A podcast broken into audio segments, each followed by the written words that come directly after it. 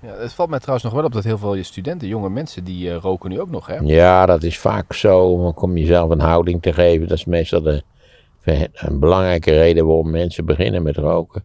Om zichzelf een houding te geven. Het verlossen, kunt u mij horen? In de vorige aflevering was de leeftijd 30 erg jong, zegt iemand. Hier dus een vraag van een nog jongere luisteraar, namelijk 22. Maarten, waren de landingen van de Amerikanen en Engelsen echt noodzakelijk in Italië? Hebben de gevechten in Italië wat bijgebracht bij de bevrijding van Europa, zegt Sam Epke.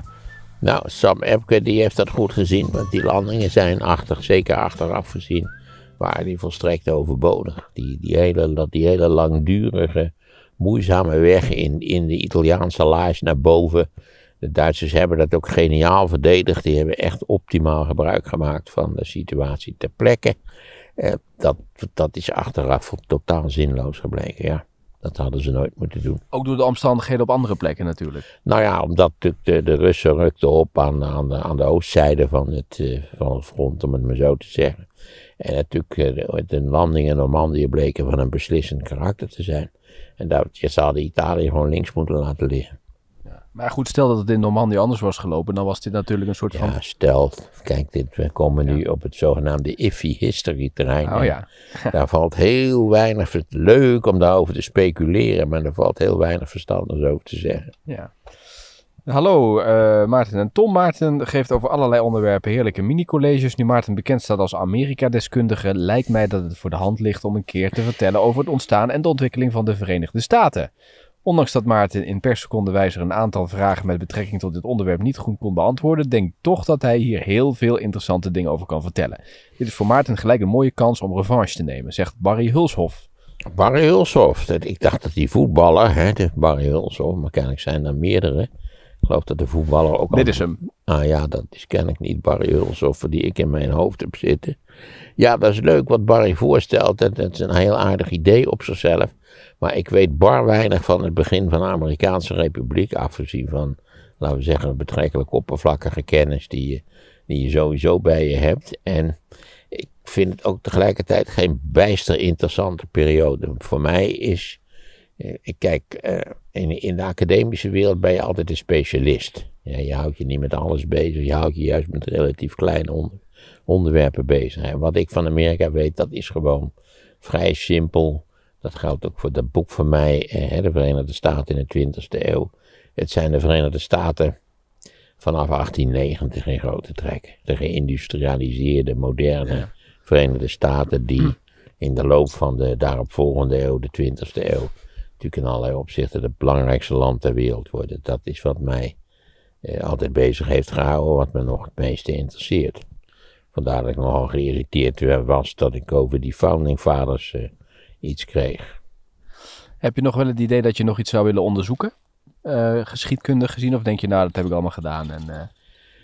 Ik zou niet weten wat. Ik word sterk gestuurd door, laten we zeggen, datgene wat op een specifiek moment nodig is. Dus ik, heb, ik ga nu uh, naar Rome voor zo'n zo'n reisje met korte lezingen.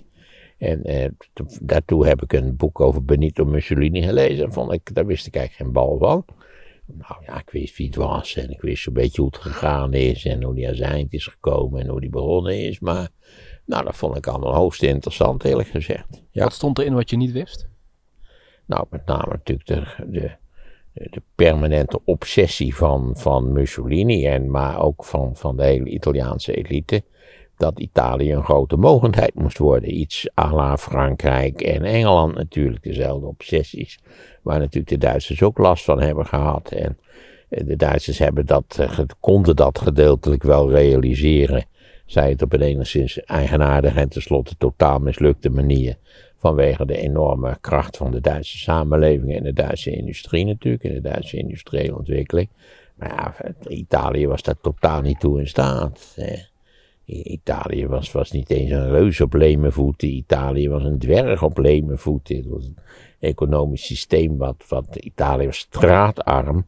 De, economie was niet buitengewoon succesvol. Er was geen sprake van een, een vitale, moderne industrie die zich op, op grote schaal en snel ontwikkelde. Eigenlijk kon Italië niks. Dat is het. Voor zover Italië een min of meer succesvol industrieel land is geworden, is dat voor een belangrijk gedeelte natuurlijk na de Tweede Wereldoorlog gebeurd. Zo dat Frankrijk zich ook, ook pas na de Tweede Wereldoorlog sterk gemoderniseerd heeft. Maar dacht iedere mogendheid toen niet van wij willen Nou ja, en dus vandaar dat dus, eh, eh, Mussolini, of het, het Italiaans fascisme, ja, een uitgebreide en nogal hopeloze eh, poging heeft gedaan om een soort imperium in Afrika te ontwikkelen. Ja. En zich daarbij ook in het, ernstig misdragen heeft op het punt van de behandeling van de lokale bevolking. Wat ze in Ethiopië hebben gedaan, dat is vrij treurig. Dat is echt heel treurig. Daarbij vielen gigantische hoeveelheden doden. Ja, voor niks, voor een droom, voor een fata morgana. In feite, het hele idee van Italië als grote mogendheid was een fata morgana. En alles wat ze ondernamen mislukte in feite. Ze, trekken, ze hebben Albanië nog weten te veroveren, maar dan vallen ze Griekenland aan en ja, in no time loopt de zaak vast en, en gaan de Grieken in de tegenaanval. Terwijl die bepaald ook niet bekend stonden als. En ja, tenslotte moeten ze natuurlijk door, door Adolf Hitler uit de problemen worden geholpen, zei het. Dat ook Adolf Hitler natuurlijk tenslotte er niet in geslaagd is om blijvend aanwezig te zijn in Noord-Afrika. Maar je ziet, als de Italianen er dus in Noord-Afrika niets van terecht brengen, en, en dan stuurt eh, Hitler twee, twee Duitse panzerdivisies met rommel. En ja, dat, dat, is, dat is vechten van een totaal andere aard. Ja. Daar zie je aan hoe, ja, hoe verschillend de effectiviteit van een oorlogsmachinerie, van een oorlogs, van een militair apparaat kan zijn. Ja. En dat was het Italiaanse apparaat totaal niet. ja. De schilder gaat dan naar huis toe. Ja, de schilder gaat naar huis. is wel vroeg. Nou, ik denk dat was natuurlijk maar een heel beperkt klusje wat hij bij mij heeft gedaan. Ja, misschien is het voor de luisteraars wel leuk dat degene die mijn huis is verbouwd of is nog in verbouwing. Dit gaat om de laatste loodjes vandaag. Is de schilder bezig geweest, maar ja, het gaat alleen om de badkamer. Dus kennelijk heeft hij zijn klus heeft hij voltooid. Wat voor kleur is het? Gewoon wit? Allemaal wit, geloof ik. Gebroken wit, sympathiek wit, warm wit. Ik weet niet hoe je dat allemaal nog moet noemen tegenwoordig. Ja. Het was sympathiek wit, geloof ik. Ja. Niet, wit, niet zo wit als een ziekenhuis, dat je denkt dan is het einde nabij. Maar het, het is eh, sympathiek wit. Humaan wit. Nou ja. Zou het mogelijk zijn dat Maarten een keer of een aantal keer spreekt over de onderwerpen die centraal staan bij het eindexamen geschiedenis komend jaar? Ja, dat lijkt me hartstikke leuk, maar ik weet alleen niet wat. eh, Nee. Dit is een geschiedenisdocent, maar hoe zouden wij dat moeten weten? Ik zal even nog luisteren. Hij heeft iets ingesproken ook. Hoi Maarten. Met veel plezier luister ik altijd naar eh, je verhalen en naar alle andere interessante dingen die in de podcast worden verteld. Ik zelf sta voor de klas, ik geef geschiedenis. Mooiste vak natuurlijk wat er is. En de verhalen die je vertelde over het Duitse Rijk en over Duitsland na de Tweede Wereldoorlog waren zowel voor mij interessant als voor mijn leerlingen. Ik heb ze aanbevolen aan de leerlingen om ook die afleveringen terug te luisteren als extra informatie en gewoon als verdieping en verheldering naast de dingen die ik vertelde in de les. Nu was mijn vraag: is het ook mogelijk dat je een aantal afleveringen of een aantal ehm, momenten eh, kan spreken over andere examenonderwerpen voor het examen geschiedenis natuurlijk? Ehm, bijvoorbeeld over het Britse Rijk, de periode dat de Britten de kolonisatie over de huidige Verenigde Staten hadden, of over de Britse tijd in India, toen India hun belangrijkste kolonie was. Ehm, en misschien ook wel een ander examenonderwerp, zoals Nederland ehm, na de Tweede Wereldoorlog van 18, 1948 tot 2008. Ik zou het hartstikke leuk vinden en ik denk ook zeker al mijn leerlingen en zeker ook alle andere luisteraars die dan op deze manier toch een klein beetje meekrijgen van wat onze leerlingen komend jaar in mei staat te wachten. Alvast bedankt! Nou, ja, eh dan houdt het Britse Empire, dus eh, het- de Britse kolonie, de Verenigde Staten, die natuurlijk de eerste, eerste, de first new nation, zoals ze zelf altijd zeggen. De eerste land, de eerste kolonie die zichzelf verzelfstandig heeft, daar weet ik ook niet veel van. Ja, de Tea Party, dat soort, ik bedoel, oppervlakkige kennis. Eh, hoe het de Engelsen natuurlijk in Brits-Indië vergaan is, dat is een heel apart en speciaal onderwerp. Dat zou je eigenlijk ge- ge- moeten behandelen als een onderdeel van een veel grotere natuurlijk imperiale, koloniale eh, expansie van Europa. Eh, ja, zeg vanaf 1500 ongeveer heeft Europa natuurlijk, terwijl het een relatief klein deel en niet eens zo dicht bevolkt deel van de wereld is, heeft Europa de wereld veroverd. Bovendien doet natuurlijk de industriële revolutie zich in Europa voor, in het bijzonder wel in Engeland. Hè, wat natuurlijk Europa een nog veel speciale positie in de wereld gaf. Gedurende enige eeuwen domineerden wij het hele wereldtoneel. Daar is natuurlijk in de loop van deze eeuw, vrij recent eigenlijk, is daar een eind aan gekomen. Hè. Eh, ja, de Tweede Wereldoorlog kun je beschouwen als een soort van césuur. En dan zie je natuurlijk ook dat India na de Tweede Wereldoorlog zelfstandig wordt.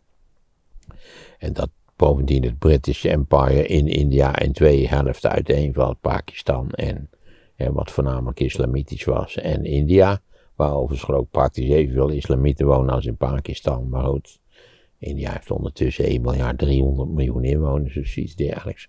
Ja, dat zijn hele fundamentele processen natuurlijk.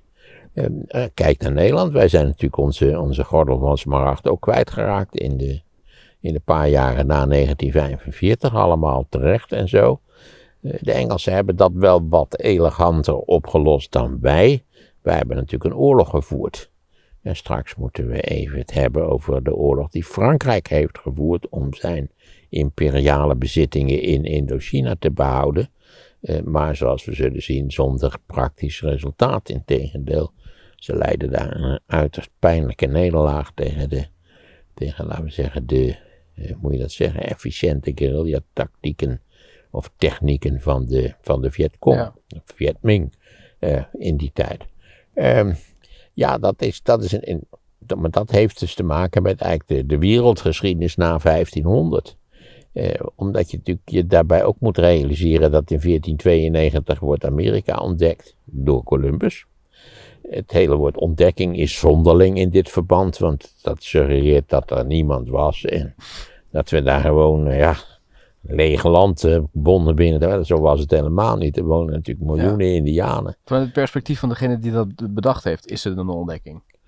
Ja, alleen het is, het is vanuit ons perspectief is het een ontdekking. Ja. En ja, die Indianen waren ontzettend de klos. Niet alleen hadden wij tal van, van uh, ziekteverwekkers aan boord, waartegen zij geen resistentie hadden.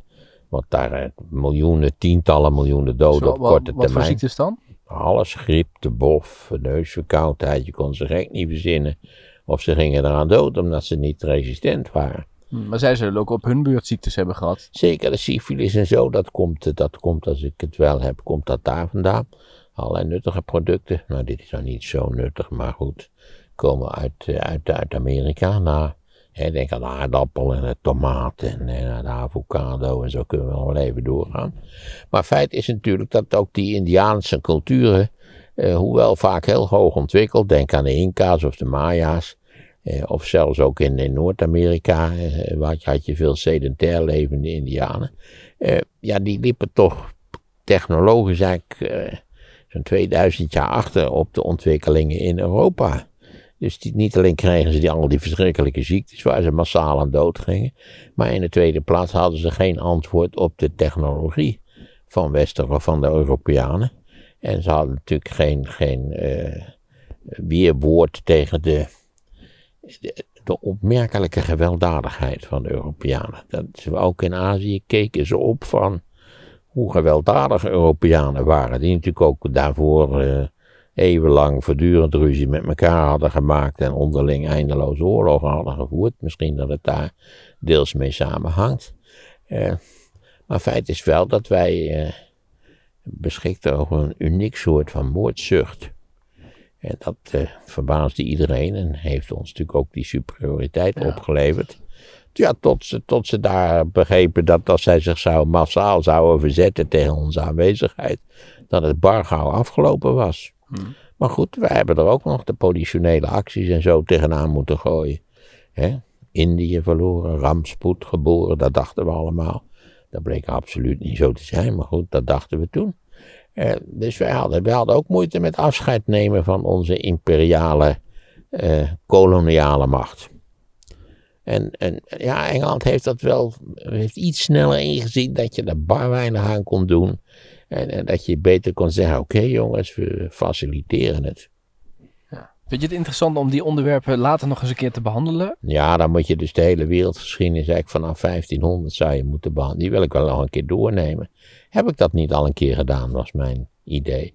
En Nederland na 45, ja, dat wil ik best een keer doen. Dat hebben we deels gehad met de ja, omdat we die minister-president hebben gedaan, hebben we dat ook wel een beetje bekeken. Ja. Maar misschien kun je aandacht besteden aan, aan sociaal-economische ontwikkelingen die zich in die tijd hebben voorgedaan natuurlijk. En, en misschien kan ik nog eens een keer wat ik al vaker heb gedaan, of heb geprobeerd eh, uit te leggen. Eh, ja, dat we natuurlijk in de jaren 40 en 50 dat het een armoedige wereld was. Ja. Een schrale en armoedige wereld. Ja. En dat we dat wel gemakkelijk vergeten zijn eigenlijk hoe dat was. En hoe, hoe voortreffelijk en ons hebben ontwikkeld in economisch opzicht. Nog een onderwerp idee. Evolutie van transport vanaf 1750 tot nu. Met treinen, boten, auto's, vliegtuigen en zeppelins. Ja, dat is een prachtig onderwerp natuurlijk. Maar die auto's hebben we alle feiten al besproken. Maar je zou wel iets kunnen doen natuurlijk aan... aan maar sinds wanneer wil die meneer dit horen? Ze- 1750. Waarom 1750? Vanaf Ja. 1750 tot nu, zegt hij. Oh, ja, je moet eigenlijk beginnen het, eh, ik weet het niet, met het, het koggerschip, zoiets iets zou je dat in moeten doen. Ja, jij bent degene die hiervoor gestudeerd heeft, dus jij moet dat maar aan. Nou, ik heb daar natuurlijk helemaal niet voor gestudeerd. Het is nou dat ik wel geïnteresseerd ben in dat soort van dingen. Maar ik, ik heb natuurlijk niet gestudeerd op transportmiddelen. Nee, maar wel op geschiedenis. Ja, Kijk, dit stuurde ook nog iemand door. Herken je dit? nee, wat is dat in godsnaam? Blauwe boeken. Dat, zijn die, die, dat is dat rijtje waarvan jij... Wat staat Was het Jules Verne? Volgens mij wel, ja. Even kijken wat erop staat. Ja, hij heeft meer Jules Verne's dan ik. Ehm 20.000 mijlen onder zee. Ja, prachtig is dat. Prachtig boek. Heb ik Jules Verne? Heb ik, Jules Verne heb ik toch ook behandeld? Ja, die heb je ook behandeld. Zeker. Naar Ja. het middelpunt der aarde. Ja, dat moeten staan. mensen lezen, Jules Verne. Ja, is uit de mode geraakt. De kinderen van kapitein Grant. Ja, ook heel, is een hele serie is dat, de, de kinderen van kapitein Grant. Grant, ja. Eh, John Bakker zegt van dit rijtje heb ik er inmiddels drie van de vier met genoegen gelezen. Of eh, drie vierde heeft hij, me, eh, heeft, hij, heeft hij gelezen. Even kijken wat we dan nog hebben. Eh, nou, dat was het wel zo'n beetje, denk ik, tot nu toe. De belangrijkste dingetjes die we hadden. Ja, dan kunnen we naar het onderwerp van vandaag. Ja, dat moeten we dan maar eens even doen. Misschien kun je iets meer warmte ook in de kleine cabine pompen. Ja, ik ben blij dat Via de bekende energieverspilling die we plaatsvindt in verbrandingsmotoren. Ja. De buurvrouw groet ons beleefd. Ik, had, ik zat van de week in een auto met stoelverwarming. Dat is ook lekker. Oh, ik heb overal in mijn auto stoelverwarming. Ja? Ik heb ook stoelbeluchting. Wat is dat? Dat, dat, dat als het heel warm is, je krijgt een warme reet, dan kun je op een ander knopje drukken en dan, en dan doet die, perst hij de lucht doorheen. Ah, Dan heb je eigenlijk een koeling vanuit de stoel. oké. Luchtkoeling vanuit de stoel. Hoe warm wil je het hebben? Nou ja, het moet niet al te gek worden, maar niet dat ik het koud krijg. Dat, heb je het nu is- koud? Nou, mijn linkerhand bijvoorbeeld is wel koud geworden. Ja, maar dat is omdat je geen handschoen... Je hebt een, alleen aan de rechterhand Ja, een handschoen. dat ik er nog één handschoen kwijtgeraakt ben, zoals ik al uitlegde. Ja. Zodat ik, zoals ik van, van alle mogelijke dingen altijd kwijtraak. Regenjassen, Ja. paraplu's, handschoenen, sjaals. Het is ongelooflijk hoe... Daar werk ik mij doorheen in, een, in met unieke snelheid werkelijk. Nou, het staat allemaal aan. Dus eh, Goed zo, we gaan het proberen. Ja, in feite hebben we nu al een soort voorschotje genomen op het feit dat na de Tweede Wereldoorlog eigenlijk ook in de zogenaamde derde wereld, dat is de wereld dus buiten het Westen en het Oosten, buiten het communisme en het kapitalistische blok, om het maar even zo te zeggen, natuurlijk het bewustzijn eh, zich snel groeide en, en ook wel aanwezig was. Eh, Ja, dat ze liever zichzelf wilden besturen dan door ons eh, bestuurd te worden. Hoewel wij altijd de mening zijn toegedaan geweest dat wij het veel beter konden dan zij het zelf konden. En in sommige gevallen was het ook zo. Maar tegelijkertijd hadden ze natuurlijk ook wel het recht om zichzelf te besturen. Ten meer als je denkt dat de Tweede Wereldoorlog ten dele gevoerd is uit naam van de democratie en de zelfbeschikking en tegen dictatoriale staten. waardoor kwam dat Hoezeer besef? ook de Sovjet-Unie daar buiten dit patroon viel. Waardoor kwam het besef eh, dat ze dat zelf wilden doen? Nou, misschien ook wel door het feit dat wij. eh denk aan, Oost-Azië, natuurlijk, waar de Japanners een, een, een, eigenlijk heel Zuidoost-Azië veroverd hadden in no time. Waarbij natuurlijk de, de, de westerse mogendheden die daar vanouds koloniaal de, de baas waren, natuurlijk eigenlijk eh, het onderspit eh, dolven.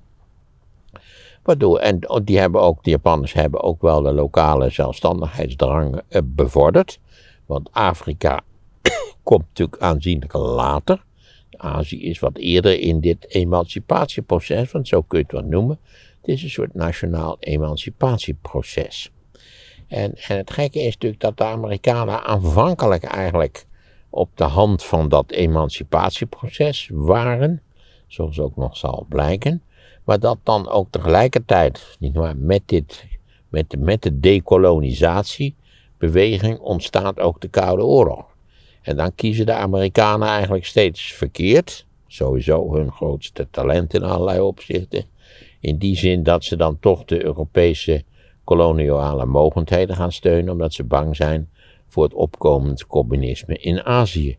En zeker na de, na de Koreaanse oorlog eigenlijk doodsbang zijn geworden dat heel Azië in één klap communistisch zal worden en dat nou ja, dat, dat daartoe zal leiden. Kijk, nu zet hij helemaal spontaan zet hij zijn radiootje aan. Ik weet niet wat dit precies is. Ja, dit is iemand die mij belt. Oh, het is jou, iemand die jou belt. Ja, Dat komt op het schermpje. komt ook op het scherm. Dat is met Ah. Bluetooth gekoppeld. Sorry. Ja, ik moet zeggen, ik word ook vaak gebeld in de auto. En dan heb je toch een enorm sterke impuls om op te nemen, omdat ik nog van de generatie ben die denkt dat als je gebeld wordt, dat het altijd iets belangrijks is. Dat het iets van gewicht is. Dat je, dat je moeder belt om te zeggen dat, dat er iets verschrikkelijks schuurtje is afgefikt. Ik weet niet precies wat er gebeurd is. Dat is nooit zo. Tegenwoordig wordt er gebeld voor niks, bij wijze van spreken. Maar dat, dat gevoel heb ik altijd. En dan moet ik mezelf enorm beheersen om in de auto die telefoon niet aan te nemen, want je moet het niet doen. Waarom niet? Nou, dat het je enorm afleidt, zelfs wanneer je zogenaamd hands-free belt. Ook zo'n rare uitdrukking. Maar goed, je belt hands-free. Dan nog schijnt het enorm af te leiden als je met iemand intensief gaat zitten praten. Hè? Stel voor dat jij gewoon, dat we nu op en neer reden tussen Amsterdam en Utrecht, terwijl ik die podcast zit te maken. Dat, dat zou jou toch afleiden.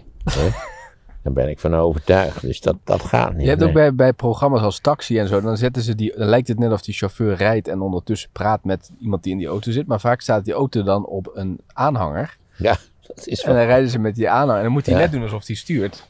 Dat is Ja, ook een kunst. Hij doet net als hij stuurt, dat is een bekend punt in vooral Amerikaanse films. Omdat die stuur, dat, ze sturen veel te veel. Als je, als je een, werkelijk een iemand die sturend, die stuurt nauwelijks. Dat zijn hele kleine stuurbewegingen die je in principe maakt als je een normale auto rijdt. Maar in die auto zitten ze dan om te filmen enorm te sturen, zeggen of een leven ervan afhangt. Dan weet je dus dat je opgelicht wordt. Ja, ik heb wel eens een opname gezien van zo'n opname waarbij inderdaad dan de twee filmsterren en een auto op een aanhangwagentje ziet zitten, die door het landschap wordt dan getrokken, ja.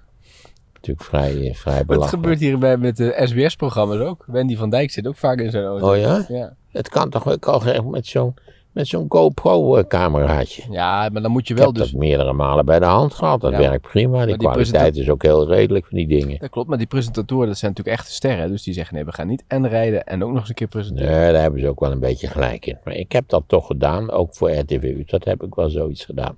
Wij zijn afgedwaald van ons thema. Het ging namelijk om de dekolonisatie. Het ging eigenlijk namelijk over het, het snijpunt tussen de dekolonisatie aan de ene kant en de, en de Koude Oorlog, de ontwikkeling van de Koude Oorlog en de angsten van de Amerikanen. Niet waar voor de overname van het communisme van heel Azië, eh, die hier tegelijkertijd opereren. Maar we moeten eerst even naar Vietnam. Vietnam was een onderdeel van Frans Indochina, een Franse kolonie dus. En in 1946 besluit de leider van een communistische, maar ook nationalistische beweging, namelijk Ho Chi Minh. Iedereen heeft waarschijnlijk wel eens een plaatje gezien van Ho Chi Minh met dat gekke baardje van zo'n baard van drie haren. Dat, zo'n snor van twee haren, zal ik maar even zeggen. Eh, en op, in 46 roept Ho Chi Minh de zelfstandigheid van Vietnam uit. Eh, hij vindt dat Vietnam recht heeft op een zelfstandig nationaal bestaan. Sukarno in de zomer van 45 in Nederlands-Indië, idem dito. We weten hoe dat af is gelopen, we hebben het heel kort even over gehad. Nederland vond het niks, Nederland vond die Sukarno een vuile collaborateur met de Japanners en we hebben uiteindelijk het onderspit gedolven, gelukkig maar. We waren natuurlijk ook een betrekkelijk klein land. We hadden beperkte militaire mogelijkheden. En Amerika heeft tegen ons gezegd: je moet ophouden met die flauwekul. Want eh, we kunnen eigenlijk wel leven met die Sukarno, want het is geen communist. Gelukkig maar. Het kan ook vaak, is het een zegen dat je een klein landje bent. Want als je heel klein bent, dan is de kans natuurlijk dat je oorlogen start, langdurig oorlog voert, die is niet zo verschrikkelijk groot. En de kans dat Monaco bijvoorbeeld eh, de Provence gaat veroveren, die is niet zo groot. Denk ik, bovendien was, is bij mijn weten de leiding van Monaco dermate incompetent, dat ze waarschijnlijk het, het eigen grondgebied niet eens zouden kunnen verlaten. Maar dat- ja, ik, ik ben enorm anti-Monaco. Ik moet niks van die. Heb ik niet al eens eerder gezegd dat het hoogste tijd wordt dat we Liechtenstein, Andorra, Monaco, al die, al die kleine belastingontduikers opgeruimd staat netjes. Vaticaanstad ook? Wat? Vaticaanstad? Nou, als ze zich zo blijven misdragen op financieel gebied, zoals ze in de afgelopen decennia vaak gedaan hebben, dan zou ik dat, nou is Vaticaanstad wel heel erg klein, geloof ik. Maar het, het, Vaticaanstad, bij mijn weten, wordt niet gebruikt voor, voor de on- belastingontduiking. Het is niet zo dat je als autocoureur kunt inkopen in Vaticaanstad en dat je dan een appartement naast de paus krijgt, mits je bereid bent om 10 miljoen eh, euro te betalen. Nee, zo is het niet. Misschien wel een nieuw verdienmodel voor ze. Nu, nu niemand meer naar de kerk gaat. Ja, ik volgens mij het, niet in Europa, maar elders wel. Het is niet zo dat het Rooms-Katholicisme eh, vordert, geloof ik, in sommige Ja, landen heb je best. gelijk in, ja. Brazilië? Het is, het is niet zo dat het, dat het dood is of Nee, zo. daar heb je helemaal gelijk in, ja. Dat klopt. Ja, niet voor niks komt deze paus natuurlijk ook uit Argentinië. Ja. Zoon van Italiaanse immigrant in Argentinië. Maar Max Verstappen in Monaco vind je niks. Nee, je dacht dat ik het over Max Verstappen had en dat klopt inderdaad, ja. Dat valt hem persoonlijk niet te verwijten, want iedereen doet dat. Iedereen die dus veel geld verdient en geen zin heeft om belasting te betalen, die vestigt zich in Monaco of in Liechtenstein of een van die andere piratendorpen die we daarvoor speciaal hebben georganiseerd in Europa. Want dat is natuurlijk zo. Ik vind ook dat er onmiddellijk een eind aan moet worden gemaakt. Een hele leuke nieuwe klus voor een Europees leger, ja, die moet ook oefenen. Dus dan zou ik zeggen, veroveren zo'n mini-staatje. Kijken hoe, kijken hoe dat gaat. Hè? Ja, ik vind het onbegrijpelijk. Zo'n smokkelnest als, Andorra, dat is toch idioot dat dat blijft bestaan. Wat smokkelen ze dan? Sigaretten bij mijn weten. En sowieso is er een vrij omvangrijke sigarettensmokkel in Europa, zoals je weet. Ja. Omdat sigaretten in Spanje geloof ik 2,50 euro kosten of zo. En, en ze kosten in Zweden kosten ze een tientje, of bij ons kosten ze al een tientje. Maar als je een pittige grote vrachtauto kan laten rijden, dan... eh, ik heb nog, aan- toen ik nog rookte, vroeg ik hier aan een sigarenman, eh vroeg ik, eh, heb, je ook, eh, heb je ook zwarte sigaretten? Ja, dat was helemaal geen probleem. Ja, hij is toch verdwenen die winkel, dus ik kan het nu allemaal wel vertellen. Ja, dan kon je, weet ik veel, voor een halve kras een pakje sigaretten krijgen. Die kwamen, ik dacht, voor zover ik me herinner, kwamen die dingen uit Spanje. En waren, Gewoon die, nou onder de toonbank. waren die anders? Nee, ik heb het niet geprobeerd. Ah. Het leek me ongelooflijk smerig. goed, ik heb al dat soort van Caballero, dat was ook zoiets. Ja, dat, dat intellectuelen moesten Caballero, of die Franse rommel, hoe heette dat toch ook alweer? Ik- Geen ik rook niet. Ja, die, die blauwe pakjes. Met de rode letters. Gitanen heten ze niet, gitanen? de- de- Gitanen? Ja, ik kan het even opzoeken. Gitanen. En dan moest je als, als intellectueel moest je die rommel roken. Vreselijk. Of je moest ook, als je een beetje mee wou tellen, moest je ook oude vanillecheck roken.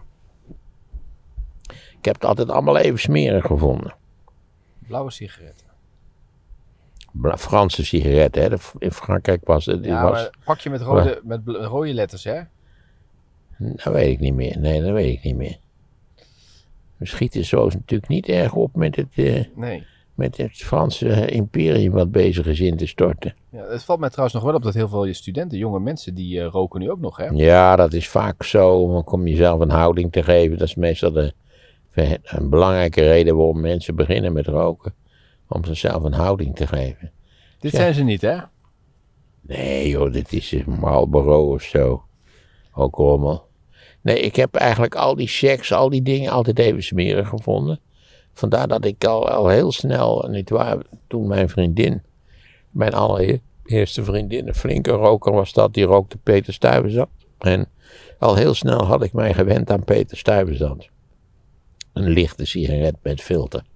En daarna heb ik ook nooit, ik heb nooit meer check gerookt. Dat is zo ongelooflijk smeren.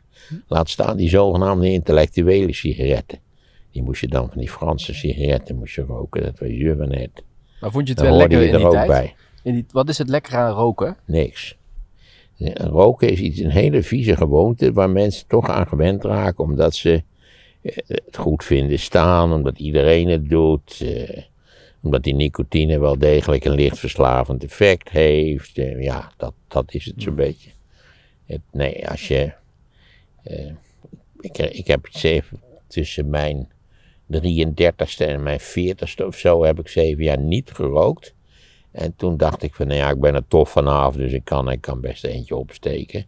En toen heb ik nam ik er een, nou, het is, het, het- het- dat is verschrikkelijk. Het effect is, is ingrijpend. Ben helemaal draaierig en zo, en raar, mijn hoofd werd vaag en, en mistig, en nou, dat was verschrikkelijk. Waarom ik toen, en ik ben toch weer begonnen, dat is, ik, ik, ben, ik ben van een ongekende stupiditeit op dit punt. En tenslotte pas eh, toen ik 57 was, ben ik, er, eh, ben ik ermee gestopt. Net als met drank. Toch? Ja, idem dito. Ik was ook een stevig drinker en stevig roken. Vaak gaat het ook samen natuurlijk. En de combi is wel helemaal bijzonder beroerd natuurlijk.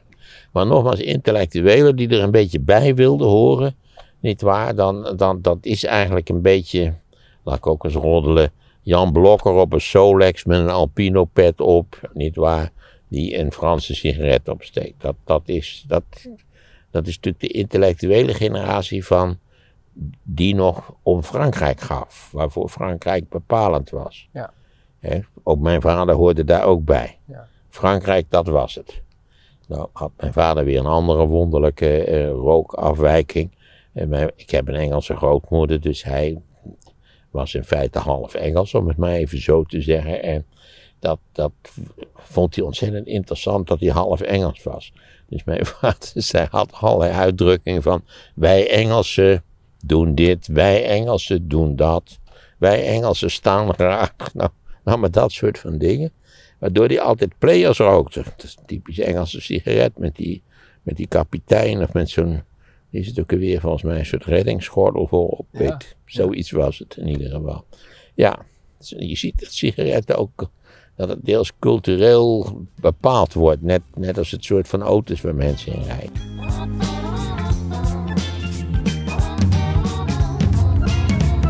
Opgeruimd staat netjes